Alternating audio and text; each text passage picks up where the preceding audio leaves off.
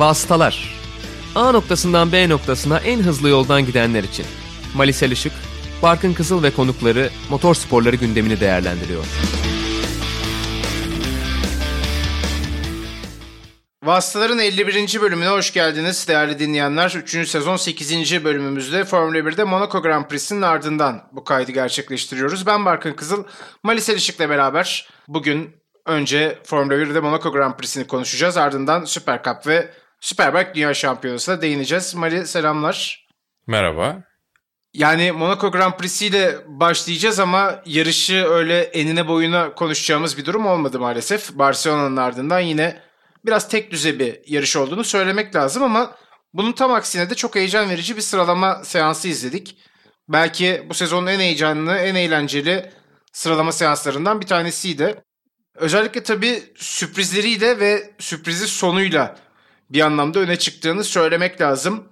Ve Mercedeslerin tam olarak istediği performansı verememesi, özellikle Lewis Hamilton'ın arkalarda kalması en önemli gündem maddelerinden bir tanesiydi. Bunun dışında hem Q1'de hem Q2'de sürekli olarak en azı tur zamanlarının değiştiğini gördük. Sürekli olarak farklı farklı isimlerin öne adım attığını gördük. Ferrari'nin gücünü gördük belki her şeyden önce. Bu gelişmelerin ışığında sıralamalarla ilgili neler söyleyebiliriz? Yani aslında antrenman seanslarından itibaren acaba dedirtmeye başlıyordu Ferrari. Ya fena değiller mi? Bak ikinci antrenmanda da iyiler. Üçüncü antrenmanda da iyiler. Dur o zaman sıralama öncesi F1 fantazi takımlarımızı şöyle bir güncelleyelim derken gerçekten sıralama turlarında da bu hızın gerçekçi olduğunu gösterdiler. Bunun iki sebebi var. Bir düşük hızlı virajlarda herkesten daha iyi gibi görünüyorlar bu sene. Onun dışında bir de esniyen arka kanadı biz şimdi kullanmaya başladık dediler. Ceza gelirse bakarız ama şu anda 4 hafta var tabii önlerinde Fransa Grand Prix'sine kadar 2 Grand Prix boyunca yani Monaco şimdi geride kaldı ve Azerbaycan'da da Red Bull arka kanadını kullanacak herhangi bir teste girmeden FIA testlerini Fransa Grand Prix'si zamanında yapacak. Ferrari biz de kendi versiyonumuzu yaptık ve şimdilik bunun faydalarını görmeyi bekliyoruz dedi. Öyle olduğu için bunlar tabii ufak ufak detaylar. Ferrari'nin şu anki paketi de e, açıkçası Monaco'ya uygun gibi görünüyordu. Ve hakikaten de hızlılardı. Yani Carlos Sainz de aslında pole pozisyonunu alabilecek bir hızda geliyor gibi görünüyordu. En azından kendisi de öyle söylüyor. Max Verstappen mesela ilk gün pek iyi değildi. İlk antrenman gününde ön lastikleri özellikle ısıtmakta zorlanıyordu. E, ama o da cumartesi günü işi çözdü. Zaten cumartesi günü işi çözmekte galibiyete giden en büyük adım Monaco'da. Ya ben Leclerc'e gerçekten çok üzülüyorum. Çünkü yani bir şeylerin olacakmış gibi olması ama olmaması beni galiba sporda en çok etkileyen şeylerden bir tanesi. Geçen sene George Russell'a ne kadar üzüldüysem bu sene de Leclerc'e o kadar üzülüyorum. Ama ona gelmeden önce e, biraz sıralamanın da artılarından eksilerinden daha doğrusu iyi işler yapanlarından kötü işler yapanlarından bahsetmek lazım. Antonio Giovinazzi e, antrenmanlarda kendini gösteriyordu biraz böyle olması gerekenden daha yukarıda hem yarış simülasyonunda hem tek turda daha iyi yerlerde görünüyordu. Nitekim o da Q3'e kalmayı başardı. Bence çok güzel bir başarıydı. Alfa Romeo için gerçekten iyiydi. E, Fernando Alonso Q1'de elendi. Alpine için korkunç bir pistti burası. Daniel Ricciardo kendini sorgulamaya başlayacak kadar kötü bir performans sergiledi burada. Takım arkadaşından bir saniye gerideydi ve ben bunun böyle olduğunu kabul etmek istemiyorum. Çünkü bir saniye takım arkadaşımdan geride olamam. Özellikle de Monaco'da dedi. Çok iyi olduğunu düşündüğü ev sahibi sayılır. Monaco'da yaşıyor yine Daniel Ricciardo'da. Ee, çok iyi olduğunu düşündüğü, burada çok iyi performanslar sergilediği bir pist. Yani onun o kadar geride kalması hakikaten üzücüydü açıkçası ve yani psikolojik anlamda kendini toparlayamazsa gerekli sabrı göstermesi tabii ki gerekiyor bu arada. Yani sezon ortasından sonra bu kadar yavaş kalmaya devam ediyorsa endişelenecek bir şeyler vardır. Şu anda olabilecek bir şey bence bu. Ama psikolojik olarak da kendini bu kadar etkilemesine izin vermemesi gerekiyor. Hiç kolay bir şey değil. Spor psikolojisi hala neredeyse balta girmemiş orman. Çok o alan iyi bir şekilde değerlendirilemiyor. Dolayısıyla yani spor psikolojisi için içerisinde bulunduğunda Daniel Ricciardo'nun da bu hafta sonu gittikçe kötüleşen performansıyla herhalde ilintilidir, bağlantılıdır diye düşünüyorum. Açıkçası beni birazcık üzdü dediğim gibi onun durumu.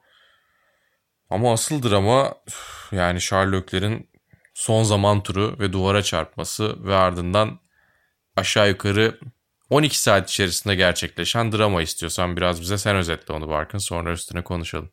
Evet tabii aslında daha seans bitmeden kırmızı bayrakla beraber o drama yaşanmaya başlanmıştı. Hatta Max Verstappen'in de iyi bir tura gittiğini düşündüğü için verdiği biraz aşırı tepki vardı. O da tartışma konularından bir tanesi oldu.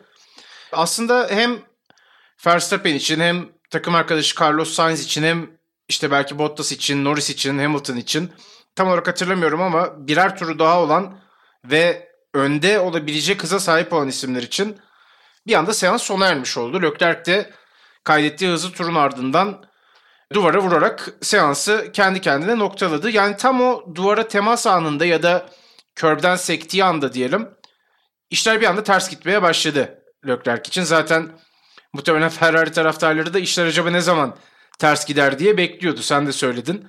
Çünkü antrenmandan beri çok dominant bir performans. Monaco'da yarış kazanacak hızı gösteren bir Ferrari ve o olayla beraber tamamen bu olumlu sinyalleri tam tersine döndüren bir olay. Tabii kazadan sonra ilk akıllara gelen ki Leclerc'in zaten hemen sıralama seansının ardından verdiği röportajda da cevapladığı sorulardan bir tanesiydi. Eğer vites kutusunda bir hasar varsa ceza alıp almayacağı yani vites kutusunun daha doğrusu çıkartılıp çıkartılmayacağı otomobilden. Bu konu üstünde geç saatlere kadar çok net bir açıklama gelmedi. Sonrasında gece saatlerinde Ferrari cephesi vites kutusunu inceliyoruz dediler ve ertesi günde vites kutusunun bir hasar almadığını söylediler. Bu şekilde otomobilin yarışmaya uygun olduğundan bahsettiler. Ta ki yarış başlayana kadar daha doğrusu yarışın başlamasına dakikalar kala diyelim o bölüme kadar Leclerc'in aracında bir problem olmayacağını düşünüyorduk. Pole pozisyondan kendi evinde yarışa start alacağını düşünüyorduk. Fakat öyle olmadı. Aracın bambaşka bir noktasında sol arka kısmında tespit edilen bir hasar sebebiyle bugün Leclerc'i piste gönderemedi Ferrari takımı ve yarışa başlayamamış oldu. Monakolu sürücü yine kendi evinde yarış bitirememe istikrarında devam ettiriyor maalesef. Onun için tabi bu çok tatlı bir durum değil. Yani Formula 1'de geçirdiği hiçbir sezonda burada maalesef yarışı tamamlayamadı demek lazım. Mali istersen yarışta da yani Ferrari üzerinde bahsederken buraya döneriz. Biraz diğer isimleri de şöyle bir gözden geçirelim. Örneğin Lando Norris gayet iyi bir sıralama seansı geçirdi. Pierre Gasly aynı şekilde Alfa Tauri'ye çok da uygun olmadığını düşündüğümüz bu pistte 6. cebe almayı başardı. Hamilton'ı geride bıraktı. Bu da önemliydi kendisi adına. Sen Fettel'den bahsettin zaten. Olumsuz notlarımızdan bir tanesi de herhalde Sergio Perez'le alakalı olsa gerek. O da 9. basamakta kalabildi. 5. yarış hafta sonunda da yeni takımıyla hala çok istediği noktada değil. Aynı şekilde Fernando Alonso için de herhalde bunu söyleyebiliriz. Yani evet sıralama turları açısından diyorsan evet Sergio Perez beklenenlerin altındaydı ama sonra yarışta tabii ki iyi bir performansla dördüncülüğü aldı. O yüzden bence yani biraz daha... Sıralamayı konuştuğumuz için Hı-hı. hani o notların arasına da onu ekleyelim atlamış gibi olmayalım. Yine çok iyi başlamadı çünkü cumartesi günü onun için. Evet yani cumartesi günü kötüydü pazar günü daha iyiydi ki zaten alışma kısmında Sergio Perez'in biraz daha çekeceği bir dert gibi duruyor bu. Bir de üstüne Max Verstappen'le olan zaman farkı zaten düşündürücü diye tahmin ediyorum.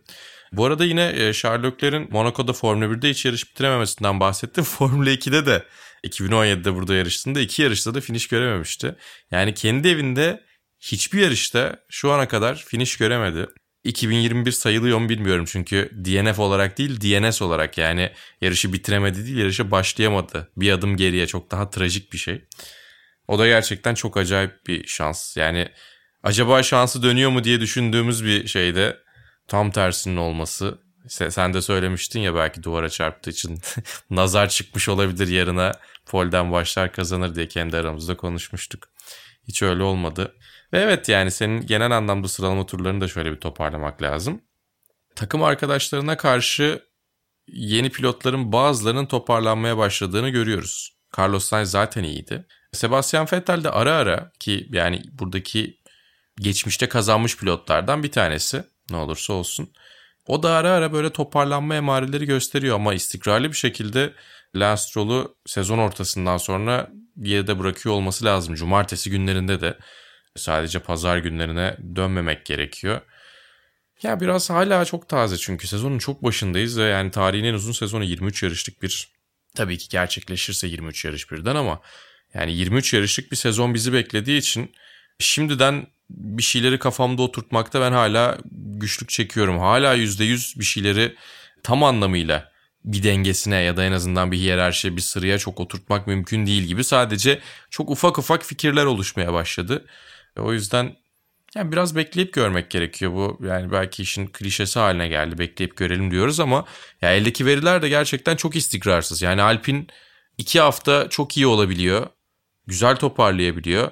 Sonra tabii ki Monaco biraz daha anomali takvimin geri kalanına kıyasla çok kendine has bir yarış. Sen de enine boyuna tartışacağız dedin ya gerçekten eni de boyu da takvimin diğer pistlerine oranla çok daha ufak. Ebat olarak da öyle. Ve yarış konsantrasyon açısından çok çok çok zor bir yarış.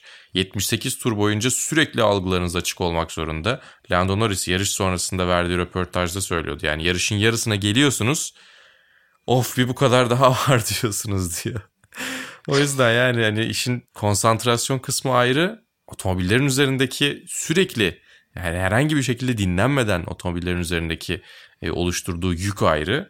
Tüm bunların bir araya gelişiyle birlikte Monaco aslında takvimin daha ayrı bir yarışı. O yüzden bunun üzerinden sezonun geri kalanına dair bir çıkarım yapmak da çok kolay değil. Ya o yüzden bence yavaş yavaş yarış değerlendirmesine geçebiliriz. Evet yani yarış başlangıcında tabii Verstappen ikinci cepte olmasına rağmen pole pozisyonundaydı aslında. O da enteresan bir durum oluşturdu bizim için.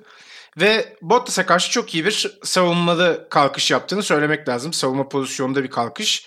Aslında şöyle oldu. Yarış öncesinde Lökler'in katılamayacağı belli olduğu için yine bu FIA takım telsizinden Michael Massey'e sordular. Herkes bir cep öne gidecek mi diye. Çünkü kirli taraftan da kalkmak istemiyorlardı. Michael Massey hemen hayır öyle bir şey olmayacak dedi. Dolayısıyla çok avantajlı da olmayan bir cepten kalkıyordu. Ne olursa olsun Bottas'ın hiza olarak önünde olmasına rağmen Bottas'ın önü açıktı ve yarış çizgisi üzerinden temiz taraftan kalkıyordu. O yüzden Max Verstappen çok agresif bir şekilde içeriye doğru kapanmak zorundaydı. Tam olarak da onu yaptı. Ya bir de biliyorsun geçen yılda bazen Verstappen'in iyi startlar alamadığından ya da Red Bull aracının startta çok beklendiği gibi olmadığından bahsediyorduk ama bu sezon herhalde öyle bir problem de kalmamış gibi gözüküyor. Zaten burada da bir kere Hatta daha gösterdi senin dediğin yani gibi. Evet tam tersi çok da iyi başladı yarışa. Carlos Sainz yine iyi izledi onları. Arkadaki kaostan uzak durdu. Üçüncü sırasını korudu startla beraber. Zaten e, o start bölümünü geçtikten sonra hani işin %80'ini falan bitirmiş oluyorsunuz bir kazaya karışmadığınız takdirde ya da işte Bottas'ın başına gelen bir şanssızlık tarzı bir hani olumsuz durum yaşamanız gerekiyor çok fazla sıra kaybedebilmek için veya da takımın bir stratejik hata yapması gerekiyor. Zaten bu konulara da ufak ufak paslar atıyorum çünkü birazdan açacağız bazı hmm. sürücülerin özelinde. Nereden devam edelim? İstersen takım takım gidelim ve buraya gelirken ki şampiyon liderimiz Mercedes'ten başlayalım. Çünkü orada konuşulacak bazı şeyler var. Elbette Bottas'ın pit stop sırasında yaşadığı çok enteresan olay ve yarışı pit stopta bırakmış olması, yarışı bitirememiş olması belki de bu günün pazar gününün en heyecanlı anlarından bir tanesiydi. Yani bir otomobil yerinden kıpırdamıyorken bize en çok heyecanı yaşattı Monaco'da. O da enteresan bir nokta oldu. Lewis Hamilton için de tabii biraz konuşmak lazım. Onun da yani yanlış bir strateji izlediği çok açıktı. Zaten kendisi de yarış boyunca oldukça sinirli bir ses tonuyla telsiz mesajlarını iletmeye devam etti. Bu yarışta herhalde kariyerinin özellikle son dönemdeki en kötü yarışlarından bir tanesi oldu. Yani evet özellikle önce bir Valtteri Bottas'tan başlamak lazım. Ya ben bu kadar inatçı bir lastiği gerçekten görmedim. Ya sonunda pes edilmesi çok garip. Ben 2-3 dakika uğraşırlar ve bir şekilde çıkartırlar ve Bottas döner diye düşünüyordum ama yani Bijon anladığımız kadarıyla gelen bilgiler ışığında eğer yanlış aktarmıyorsam söyleyeyim. Lastiğin Bijon'u aksın içerisine neredeyse geçmiş. Burada bir temas oldu mu acaba ya da herhangi bir şekilde onun sebebi neydi? Ona mutlaka bakacaktır Mercedes. Ama o yüzden de çıkartamamışlar herhangi bir şekilde. Yani çok ilginç geldi bana. Gerçekten herhangi bir şekilde ne kadar zorlarlarsa zorlasınlar pes etmeyen bir lastik ve bunun yüzünden yarış dışı kalan bir Bottas'ta yani Sherlockler olayı olmasaydı açık ara en büyük şanssızlığı olacaktı bu sezonun. Ama çok çok çok çok acayip bir durumdu yani gerçekten. Ve tabii ki yarışın gidişatını da değiştirdi o anlamda bakıldığında sonuçta podyumda bir boşluk oluşturmuş oldu. Daha doğrusu bir sıra daha yukarıya çıkmış oldu onun arkasındaki isimler. E, aynı zamanda Mercedes'te önemli puanlar kaybetmiş oldu ki Lewis Hamilton'ın çok iyi olmadığı bir yarışta Valtteri Bottas takımlar şampiyonasında biraz puan getirebilecek bir konumdaydı. Öyle olmayınca iki şampiyonun liderliğini de kaybettiler. Ondan bahsedeceğiz zaten. Lewis Hamilton için cumartesi günü kendi suçuydu. Açıkçası araçtan ve lastiklerden istediği performansı alamadığı için cumartesi günü bu yarışla ilgili iddiasını kaybetmişti. Ama pazar günü de gerçekten pit duvarının suçuydu. Yani pist üstü pozisyonun bu kadar önemli olduğu bir yerde stinti inatlaşarak böyle yani gerçekten lastiklerle son noktaya getirebilecek bir isim sonuçta. Lewis Hamilton lastiklere gerektiği zaman çok iyi davranabilen bir isim ve yani niye herkesten önce pite girdiklerine ben akıl sır erdiremiyorum ki Lewis Hamilton da akıl sır erdiremiyor. Ben lastiklerimi korudum ve hiçbir işe yaramadı diye söylendi zaten takım tersinden.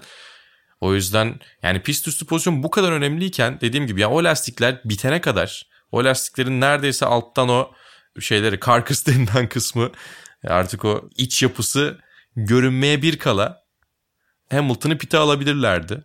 Çok uzun kalabilirlerdi en azından gittiği kadar şey yapabilirlerdi. Yani çok zorlandığını görmedik Hamilton'ın. Sadece erken girelim. Ya birazcık şeye kandılar aslında bence. Pist üstünde bir boşluk buldular. Arada bir gerçekten pist üstü pozisyon olarak boşluk vardı. Biz bunu değerlendirelim dediler ama ona kanmamaları gerekiyordu.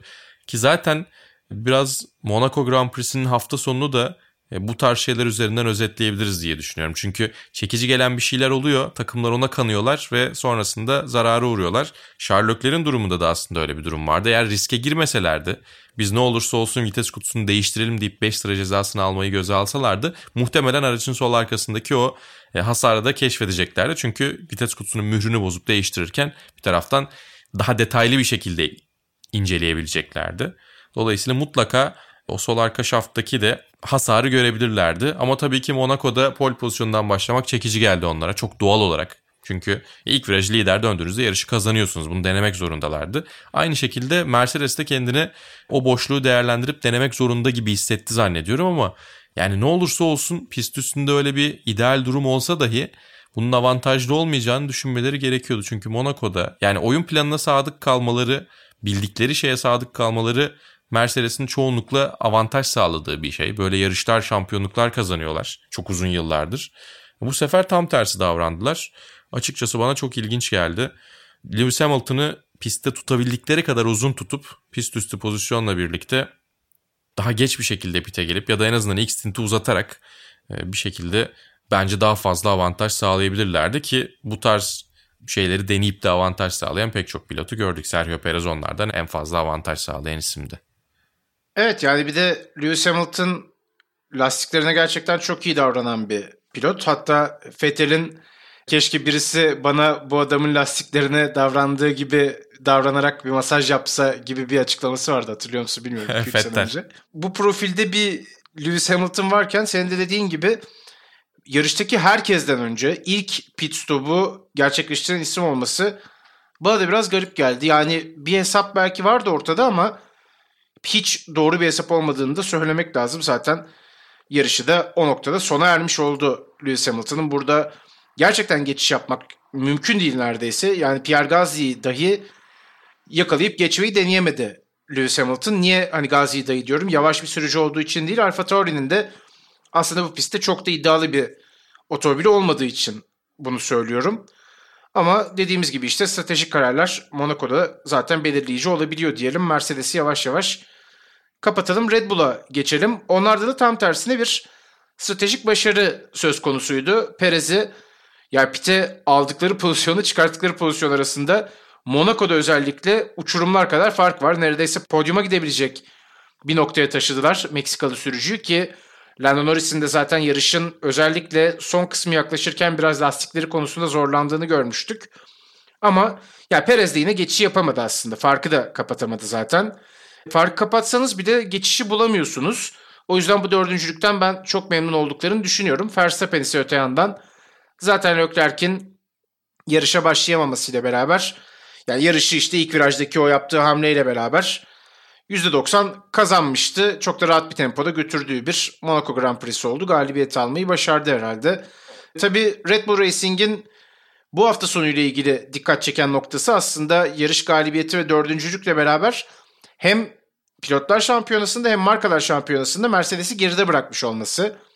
Verstappen 105, Hamilton 101 puan oldu. Red Bull Racing'te 1 puan öne geçti. Hamilton'ın en hızlı turla aldığı o 1 puan aradaki farkın 1 puan Red Bull'un lehine olmasının önüne geçemedi. Bu anlamda da dramatik bir değişiklik var sezonda. Evet bir taraftan da McLaren Ferrari mücadelesi iyice kızıştı. Orada da güzel bir mücadele var. Lando Norris şampiyonada üçüncülüğe çıktı. Bottas'ın iki yarıştan puansız ayrılmasıyla birlikte sadece 47 puanı var. Norris 56 puana yükseldi. Orası da hakikaten güzel ama tabii Sainz ile Perez bir parça geride kalsalar da e, bu sefer tabii Daniel Ricciardo'nun çok fazla puan toplayamamasıyla biraz dengeye geldi. Yalnızca 2 puan McLaren ile Ferrari arasında var. Bu arada 2013'ten beri ilk kez yani 2013 Brezilya Grand Prix'sinde en son pilotlar ve takımlar şampiyonasında lider olan bir Red Bull görmüşüz. Hibrit dönemde hiç yaşanmamıştı bu şu ana kadar. O da çok ilginç geliyor. Yani Red Bull'un gerçekten bu sezonu en heyecanlı hale getiren takım olduğunu da söylemek lazım. En azından şampiyonluk mücadelesi için. Ee, ama senin de dediğin gibi McLaren ve Ferrari arasındaki savaş da çok çekici. Yani şu anda McLaren 80, Ferrari 78 puanda. Yani buradan Ferrari aslında istediğini alıp üçüncülükteki farklarını açarak daha doğrusu puan farkını açarak üçüncü sıraya yerleşmiş bir şekilde ayrılacağını da öngörebilirdik eğer Leclerc o problemi yaşamasaydı ama Ferrari'den zaten çok bahsettik. Sainz'ın yine kariyerinin en iyi sonucunu tekrarladığını ifade etmek lazım. Geçtiğimiz yıl Monza'daki ikinciliğin ardından bu kez de Monaco'da bir ikincilik daha aldı. O da yine şöyle bir açıklama yaptı. Yani ikincilik bana buraya gelmeden önce teklif edilse direkt kabul ederdim ama sıralamada o son hızlı turumu kaydedemediğim için de biraz burukluk var üstümde. Belki işte yarış galibiyetine de taşıyabilecek turu atabilirdim şeklinde bir açıklama yapmıştı. Sainz ama ne olursa olsun kendisi için iyi bir sonuç. Ve geçtiğimiz yıl takım arkadaşı olan Lando Norris'e de podyumda çok keyifli görüntüleri vardı. Zaten belki de bu gridde en iyi arkadaş olan iki isim diyebiliriz herhalde onlar için. Evet tabii yani Netflix izliyorsanız aklınızda daha farklı şeyler kalmış olabilir ama araları hala çok iyi. E, güzeldi aslında herkesin mutlu olduğu bir podyum izledik.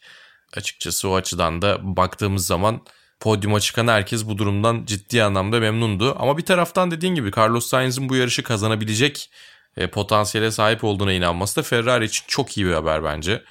E, çünkü artık tam anlamıyla iki tane tam kapasite performans veren pilotları var onların. Hatta yarış içerisinde de ne olur ne olmaz diye üzerine baskı kurmak istedi Max Verstappen'in Carlos Sainz ve o sırada e, aracın sol ön lastiğini biraz fazla aşındırmışlar. Oradan sonra zaten yarış temposu çok iyi bir yere gitmedi. Çok da zorlayamadık ama en azından bunu denedim. Bir de herkese ve kendime bunu kanıtlamaya çalışıyordum. Yani yarış kazanabilecek tempom olduğunu göstermek istiyordum diyor. Ve açıkçası buradan baktığımızda da sadece ikincilik değil ama bu bakış açısıyla birlikte çok olumlu şeyler var Carlos Sainz ve Ferrari adına. Evet McLaren adına da tabii olumlu bir hafta sonu bu. Sonuçta bir podyum daha elde ettiler. Lando Norris de 2 yıllık bir sözleşme imzaladı takımla ve bu takımla şampiyon olmak istiyorum, bu takımla özdeşleşmek istiyorum demişti. Gerçekten de iyi bir sonuca gitti ve tabii bu yarışta aslında en ilgi çekici noktalardan bir tanesi sen biraz bölümün başında da bahsettin. Norris'in Ricardo'ya tur bindirmiş olması. Yani evet. tur başına evet bir saniyelik fark da tabii ki çok büyük ama yarışta bir problem yaşamamışken özellikle takım arkadaşınızdan tur yemek ki Ricardo gibi yarış galibiyetleri olan bir sürücü için gerçekten oldukça düşündürücü. Yani bunun sebebini tabii bizim uzaktan bilmemiz mümkün değil ama Ricardo'nun performansı mı yoksa iki araç arasındaki fark mı bunu yaratıyor ya da bir ayar farkı mı var? Yani ne şekilde bu kadar büyük bir pencere açılıyor aralarında gerçekten değerlendirmek zor. Bilmiyorum senin bir fikrin var mı? Ya muhtemelen bu saydıklarının hepsi biraz biraz etkiliyor. Çünkü çok net bir şey olsaydı şimdiye kadar telaffuz edilirdi. Dan Ricardo kendisi de söylerdi. Ama o da Danny Ricardo da tam olarak ne olduğuna dair bir fikre sahip değil. O yüzden bu kadar kafası karışıyor, endişeleniyor veya kızıyor. Yani sürüş stili farkı olabilir. Araca ve takıma alışmışlık olabilir. Onun dışında yani pek çok farklı faktörün bir araya gelmesi gibi duruyor. O yüzden de çok ince ince didik didik ederek çözülmesi gerekiyor.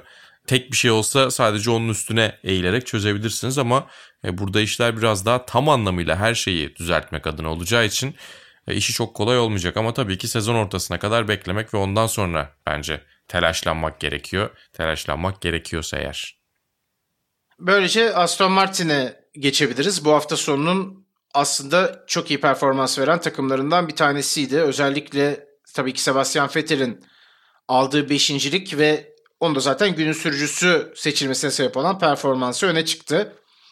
Yani Aston Martin'in tabii geçtiğimiz yıl Racing Point adıyla takip ederken onlardan işte sezonda üçüncülük gelebileceği konusunda yarattığı bir beklenti söz konusuydu ama sezon açıldığında çok da bunun böyle olmadığını gördük. Geçtiğimiz yılki formülün bu kez o kadar da verimli işlemediğini gördük. Hatta işte Vettel'in Stroll'e mağlup olma durumları da sık sık karşımıza çıktı bu sezonun başından beri ama Monaco'da kendisini gösterdi Sebastian Vettel. Belki de uzun süredir çıkarttığı en iyi yarışı koşmuş olabilir. Belki Singapur'dan beri diyebiliriz. İşte o yarışı Türkiye kazanmıştı. De iyiydi ya. Evet bir de Türkiye Grand Prix'si var tabii. Netflix bize izletmediği için unutmuşum deyip buradan da direkt alakasız bir taş atayım ama yok ben unuttum. Evet bir de Türkiye Grand Prix performansı tabii ki öne çıkmıştı Sebastian Vettel'in. Onu da düzeltmiş olalım. Ama yani o da en azından ben buradayım dedi. Belki araca biraz daha alışma emareleri gösteriyor. Bu da kendisi için tabii olumlu bir haber. Yani onun sporcu psikolojisinden sen bahsediyordun. Onun Formula 1'e bakış açısını böyle iyi sonuçlar zaten bence eski haline getirebilir. Evet bence de öyle. Bir de yani gerçekten çok sabırlı olunması gereken ama bir taraftan da günümüzdeki medya devinimiyle birlikte işte sosyal medya, web siteleri, televizyonlar o kadar çok haber ve o kadar çok içerik üretilmek zorunda olduğu için her ihtimal ve her söylenti ya da ne bileyim işte her ufak tefek şey çok fazla büyütülüyor da çünkü bir taraftan tüketmek de gerekiyor. Yani bu iş bunun içine kendimiz de koyuyorum aslında. Biz de bu işin bir parçasıyız neticede.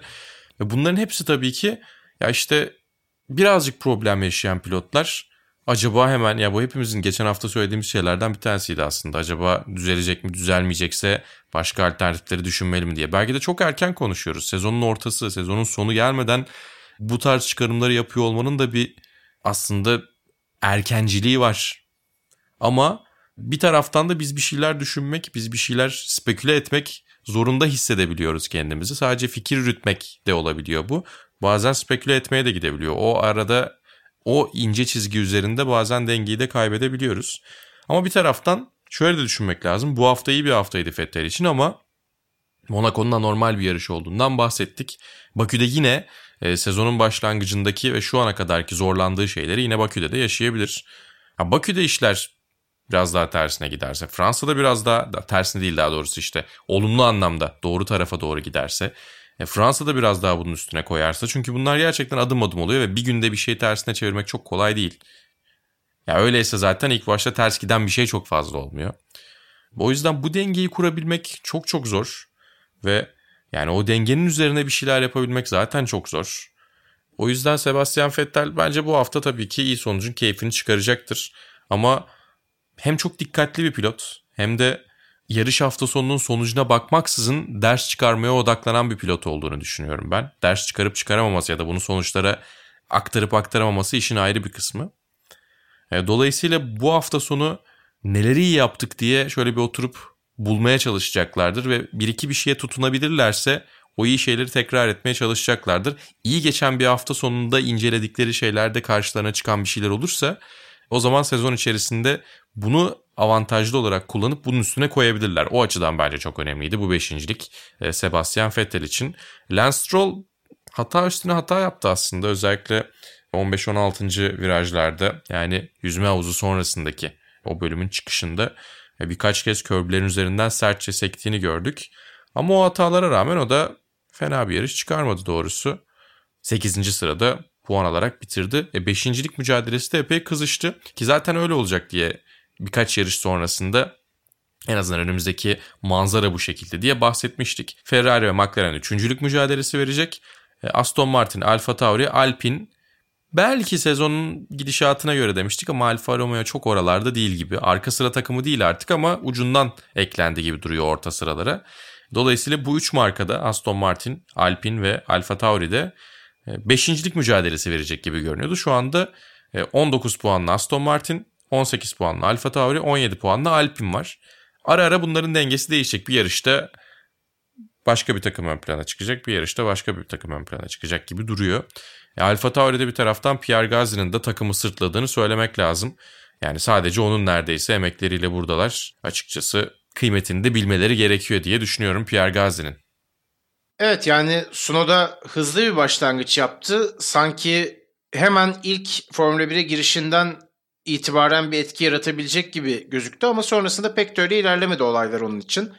Ama sen de az önce söylüyordun yani hafta hafta bakarak bir şeyleri değerlendirmemek lazım. Gerek işte iyi performans verdiğinde evet işte Sunoda gümbür gümbür geliyor dememek lazım ya da burada birkaç haftadır kendisinden kötü performanslar görerek Sunoda'dan olmayacak da dememek lazım. Sonuçta bir alışma süreci söz konusu. Zaten şöyle bir baktığımız zaman da bu yarışın sıralamasında Formula 2'den gelen 3 isim Sunoda, Mazepin, Schumacher onlar son 3 sırayı paylaştılar. Mazepin'in tabii Schumacher'i geçmiş olması Evet. Önemli bir olay Mesela aslında. ondan da bahsetmek gerekiyor. Yani diyoruz ya e, gidişat bazı yarışlarda tersine döne, dönebiliyor. Tamamen kötü tamamen iyi olmayabiliyorlar. Mesela bu hafta sonunda e, Nikita Mazepin çok fazla hata yapmadı. Yani bariz bir hata zaten yapmadı. Kaza yapmadı. Bir uyarı Ve aldı sadece. Biraz daha dikkatli giderek. Evet yani dikkatli giderek biraz daha kendine özgüven sağlayabilmiş gibi görünüyor. Umarız toparlar tabii ki niye olmasın. Ya şu ana kadar gösterdiği performanstan çok daha farklı bir Mazepin gördük. Öyle olduğu için de takdir etmek gerekiyor. Hata yapan taraf biraz daha Mick Schumacher'di. Ee, antrenmanlarda yaptığı kazadan sonra sıralama turlarına da katılamadı. Dolayısıyla geriden başladı. Çok bir şey fark ettim fark etmedi tabii ki ama e, hatalar kazalar biraz Mick Schumacher tarafından geldi. Ve dediğin gibi çaylak pilot olmak özellikle Monaco'da çok zor.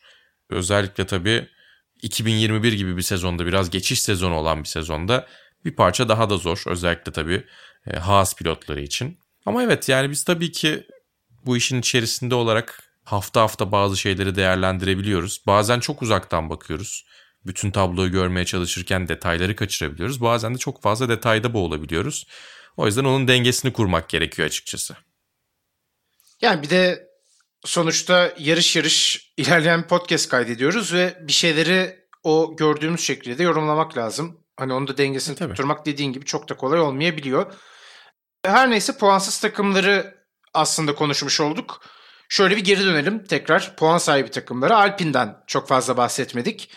Fernando Alonso iyi bir cumartesi günü geçirmedi. Zaten sezonun şu anki şu ana kadarki bölümünde de Ocon'a karşı pek bir varlık gösteremiyor Formula 1'e dönüşünde. Kendisi de Ocon'un çok formda ve çok hızlı olduğundan ve seviyesini o konuda mücadele edebilmek için yükseltmesi gerektiğinden bahsetti zaten. Yani motor sporlarında bu kadar büyük bir figür olmuş Fernando Alonso'nun da ağzından tabii bunları duymak herhalde o konu mutlu ediyordur. Ama kesinlikle de hak ettiğini söylemek lazım. Yine bu yarışı da puan barajının içinde bitirdi. Zaten şöyle bir şampiyonaya da baktığımız zaman Esteban Ocon 10. basamakta. Vettel'in önünde, işte Alonso'nun önünde, Stroll'ün önünde ki Stroll'ün de iyi performansları olduğunu biliyoruz. Bu anlamda çok iyi bir sezon geçiriyor. Alonso ise henüz çok o istediği seviyelere çıkamadı ama onun tabii potansiyelini sorgulamak bize düşmez. Kimseye düşmez muhtemelen. Alonso'nun da yine sezon ikinci yarısında tıpkı işte Ricardo gibi ben yükselişe geçeceğini düşünüyorum. Bilmiyorum sen ne dersin? Ya mutlaka yükselmesi gerekiyor. Fernando Alonso'yu biraz tanıyorsak e, sezonun bu noktasında olduğu gibi bu sezonu bitirmeyecektir. Ki zaten e, az önce söylediğimiz şeyleri ilk olarak telaffuz eden Alonso'ydu. Yani sene bittikten sonra biz hala böyleysek yeni gelen ya da işte takımında yeni olan pilotlar bu performansları sene sonunda da devam ettiriyorsa tamam o zaman oturup konuştu ama daha yeni başladı sezon diyordu. Yani o alışma sürecini gerçekten çok iyi götürenlerden bir tanesi değil Fernando Alonso ama ne olursa olsun yani bir sezon ortasında bir bir daha bakmak gerekiyor. Ondan sonra da sezonun sonuna doğru tekrar incelemek gerekiyor. Şu an iyi değil ama tek turu çözdüğü zaman özellikle sıralama turlarını cumartesi günlerini çözdüğü zaman çok daha iyi sonuçlar getirecektir diye tahmin ediyorum ki kendisi de zaten bunları söylüyor. Evet o zaman Alfa Romeo ile noktayı koyacağız. Bu hafta sonunun başarılı takımlarından bir tanesiydi. Kendilerinden bekledikleri performansın bile belki üstüne çıktılar. Özellikle sen zaten Giovinazzi'nin altını çizmiştin. Raikkonen de neredeyse puan alıyordu. O da 11. sırada bitirdi. Henüz puanı yok tabi sezonda Kimi Raikkonen'in. O da buradan bir puan çıkartmayı istiyordu şüphesiz. Ama bu hafta sonunda olmadı. O puanı Giovinazzi aldı ki Alfa Romeo'nun da bu sezonki ilk puanı oldu zaten. Williams ve Haas'ın önüne geçmiş oldular bu anlamda. E, onlar için de iyi bir hafta sonu oldu diyebiliriz herhalde. Yani evet Monaco'dan çıkarım yapmamak lazım ama alınan puan da Alfa Romeo gibi bir takım için oldukça önemli. Evet, yani, böyle fırsatları değerlendirecekler biraz geldikçe. Evet fırsat gelince değerlendirmeye bakmak lazım. Williams için de tabii işte onlar hafta sonu gidiyorlar. Fırsat kovalamaya çalışıyorlar. Kendilerine uygun yerleri en azından puan için zorlayabilmeye çalışıyorlar. Biraz bu takımlar için zaten Alfa Romeo ve Williams için hani bu şekilde ilerleyen bir sezon olabilir gibi duruyor açıkçası. Haas'ın ise biraz daha sanki ekstra bir şeylere ihtiyacı var gibi puan bulabilmek için en azından şu ana kadar sezonun bize gösterdiği kadarıyla.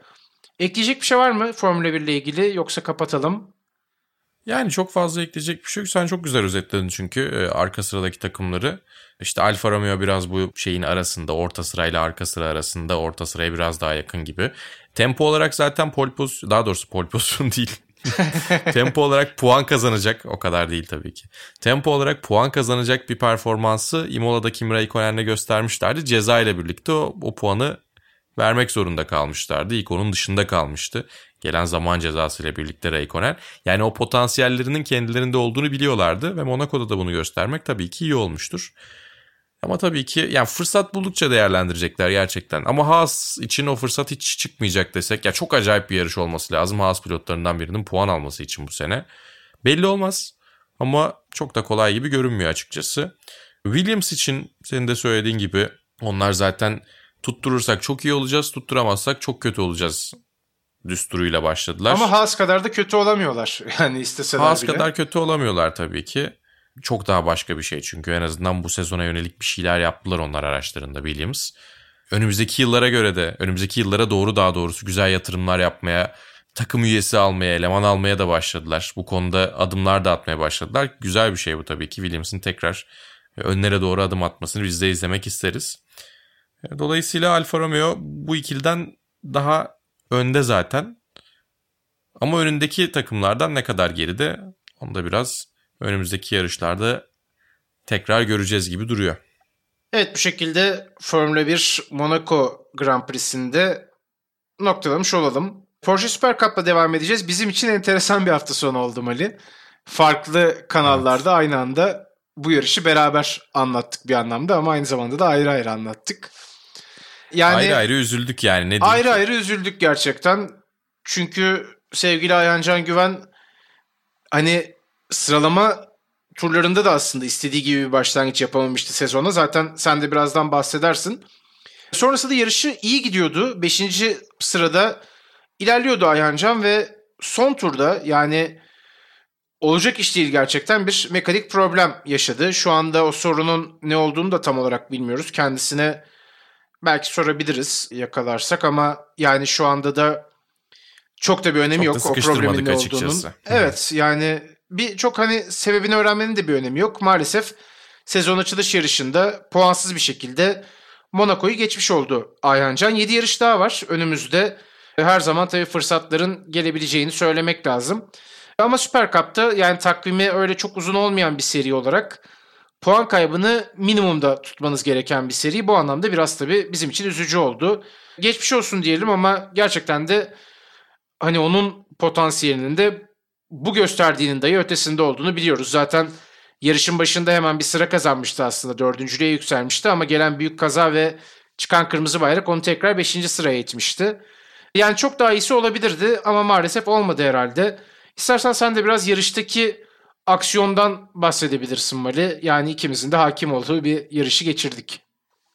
Evet yani senin de söylediğin gibi sıralama turlarında zaten ilk çizgiyi alabilecek kadar hızlıydık dedi Ayancan. Ama yine aslında bu arada sıralama turlarının Formula 1'de de damga vuran yeri 15 ve 16. virajda. E, orada körblerden sektikten sonra duvarla temas edip hem sağ arka lastiği patlatıp hem de e, arka kanadı değiştirmek zorunda kalmışlar. Sonrasında boş bir tur atmak için çok beklemesi gerekmiş. Yani pist üstünde o lastiklerin 11. turunda yanlış hatırlamıyorsam. Evet öyle iyi turunu atıp 5.liğe yerleşebilmiş. Yine 5.lik gayet onun için puan anlamında iyiydi. önemli puanlar toplayacaktı. Startla birlikte dördüncülüğe yükselmesi çok çok güzeldi. Ama tabii ki kırmızı bayrak çıktığında bir tur önceki veya yarışın ilk turu ise yarış başlamadan önceki sıralamayla tekrar yarış başlıyor. Orada birazcık vakit kaybetmiş oldu. Daha doğrusu yer kaybetmiş oldu. Birazcık şanssızlık oldu. Ardından güvenlik aracı startıyla başladı. Güvenlik aracı arkasından tekrar yarışa başladılar. Orada öndeki ikiliye yavaş yavaş yetişiyordu. Dorian Boccolacci ve Christopher Sökling üçüncülük için mücadele ederken o kapışmadan Ayhan Can da biraz böyle nemalanmak için bir fırsat bulabilmek için yavaş yavaş yaklaşıyordu. Bir güvenlik aracı daha girdikten sonra ikinci güvenlik aracından sonra çok fazla öndekilerle aynı tempoyu tutturamadı. Arasındaki fark biraz daha açıldı. Arkasında Florian Latour'a biraz bakıyordu. Sonra tekrar toparladı. Ama bu sefer de 5. sırada yeri sabit gibiydi. E sonrasında da işte zaten e, son bir buçuk tur kala gibi Ayancan için en azından bir buçuk tur kala e, o arızayı yaşadı. Ve tabii yani bundan Ayancan'ın problem yaşamasından yaklaşık yarım tur önce de Hairpin'de Fairmont Hairpin'inde şu anki otelin adıyla oradaki iki GP Elite takım arkadaşı benim son zamanlarda gördüğüm en saçma takım arkadaşı kazasıyla Porsche Super Cup'ta orada ters yöne bakan iki tane GP Elite aracı var. Daha doğrusu bir tanesi ters yöne bir tanesi biraz daha dışarı doğru bakan iki GP Elite aracı vardı. Ve maalesef orada kırmızı belki, bayrak çıkmadı. Yani esasında Evet işte orada belki kırmızı gereken... bayrak çıksa orada kırmızı bayrak çıksa belki de Ayhancan 5. sırada yarışı tamamlamış olacaktı. Ya bunlar hep gerçekten küçük şanssızlıklar. Evet Porsche Junior koçu Sasha Masen de bu arada hani sürekli 5. olursanız yani her zaman değil tabii ama 5. istikrar tutturursanız burayı şampiyon kapatabilirsiniz diyordu. O anlamda da kritik bir pozisyon 5.lik. Onun da altını çizmek lazım. 5 miydi o yoksa 3.5 ile 4 arası gibi miydi? Onu Sanki biz, ortalaması biz 4 diye hesaplamıştık geçtiğimiz yıl. Hı hı. Bu yıl işte bu yarıştan önceki röportajlarda bu şekilde bir beş ifade kullanmış. 5 demiş. O yüzden ben de ekleyeyim dedim. Hazır tam da 5. sıradayken Ayhancan aslında yarışın büyük bölümünde. Hmm, güzel, güzel bir notmuş. Direkt olarak Ayhan Can'la çalışıyor zaten Saşa Masen'de ve sürekli sonuçlardan bağımsız olarak Ayhan Can'ın gösterdiği ilerlemeyi de takdir ediyor. Ama mutlaka üzülmüşlerdir. Biz çok üzüldük en azından. Onlar niye üzülmesinler? Tabii ki onlar da çok üzülmüştür. Bir de sezon çok kısa tabii ki yani. Geçtiğimiz yılda bu yılda uzun sezonlar yok Covid ile birlikte. E, o yüzden yani her böyle elden kaçan güzel sonuçlar daha çok yakıyor. Daha çok can yakıyor. Evet bir de tabii yani yeni takımında Ayhan Can Güven bu sene BWT Renner Racing'e geçti bildiğiniz gibi. Aynı zamanda yeni bir Porsche aracı var. 992 jenerasyonunun ilk yarışıydı bu. Ya fena başlamadı gerçekten bizim için ama maalesef iyi bitmedi. O şekilde özetlemek lazım diyelim ve Superbike'da noktalayacağız. Motorland Aragon pistinde İspanya'da sezon açılış hafta sonunu takip ettik. Orada çok büyük bir sürpriz olmadı. Zaten bu pistte en çok kazanma rekorunu elinde bulunduran Jonathan Ray birinci yarışı ve Superpole yarışını kazanmayı başardı. İkinci yarışta enteresan bir olay meydana geldi. Ray neredeyse kendisini yerde buluyordu. Gerrit Gerloff'un kendisine adeta çelme taktığı bir pozisyon var. Merak ettiyseniz inceleyebilirsiniz. Yani dağ tepe dümdüz giderek Jonathan Ray bir şekilde o motosikletin üzerinde kaldı. İkinci yarışı da ikinci sırada bitirdi ve şampiyonada liderliğini koruyarak ilk haftayı noktaladı. Scott Redding, Jonathan Ray ile beraber yarış kazanan bir başka isim oldu bu hafta sonunda. O da ikinci yarışın galibi oldu. Tabi topraktan bahsetmek lazım. Patayama takımıyla yoluna devam ediyor bildiğiniz gibi Toprak Razgatlıoğlu. ilk yarışta 10. cepten başlayıp 3.lüğü almayı başardı ki neredeyse ikinci oluyordu. Son metrelerde Sam Lowes'a karşı koyamamıştı. Lowes'un da iyi temposu Kawasaki'lere iki kez duble getirmiş oldu aslında hafta sonunda. Toprağın diğer yarışlarda da 6. sırayı aldığını söyleyelim. Bu şekilde de noktayı koyalım. Vasıtaların 51. bölümü bu şekilde sona eriyor aslında. Elbette Azerbaycan Grand Prix'sinin ardından biz yine burada olacağız. O bölümde tekrar görüşünceye dek şimdilik hoşçakalın. Hoşçakalın.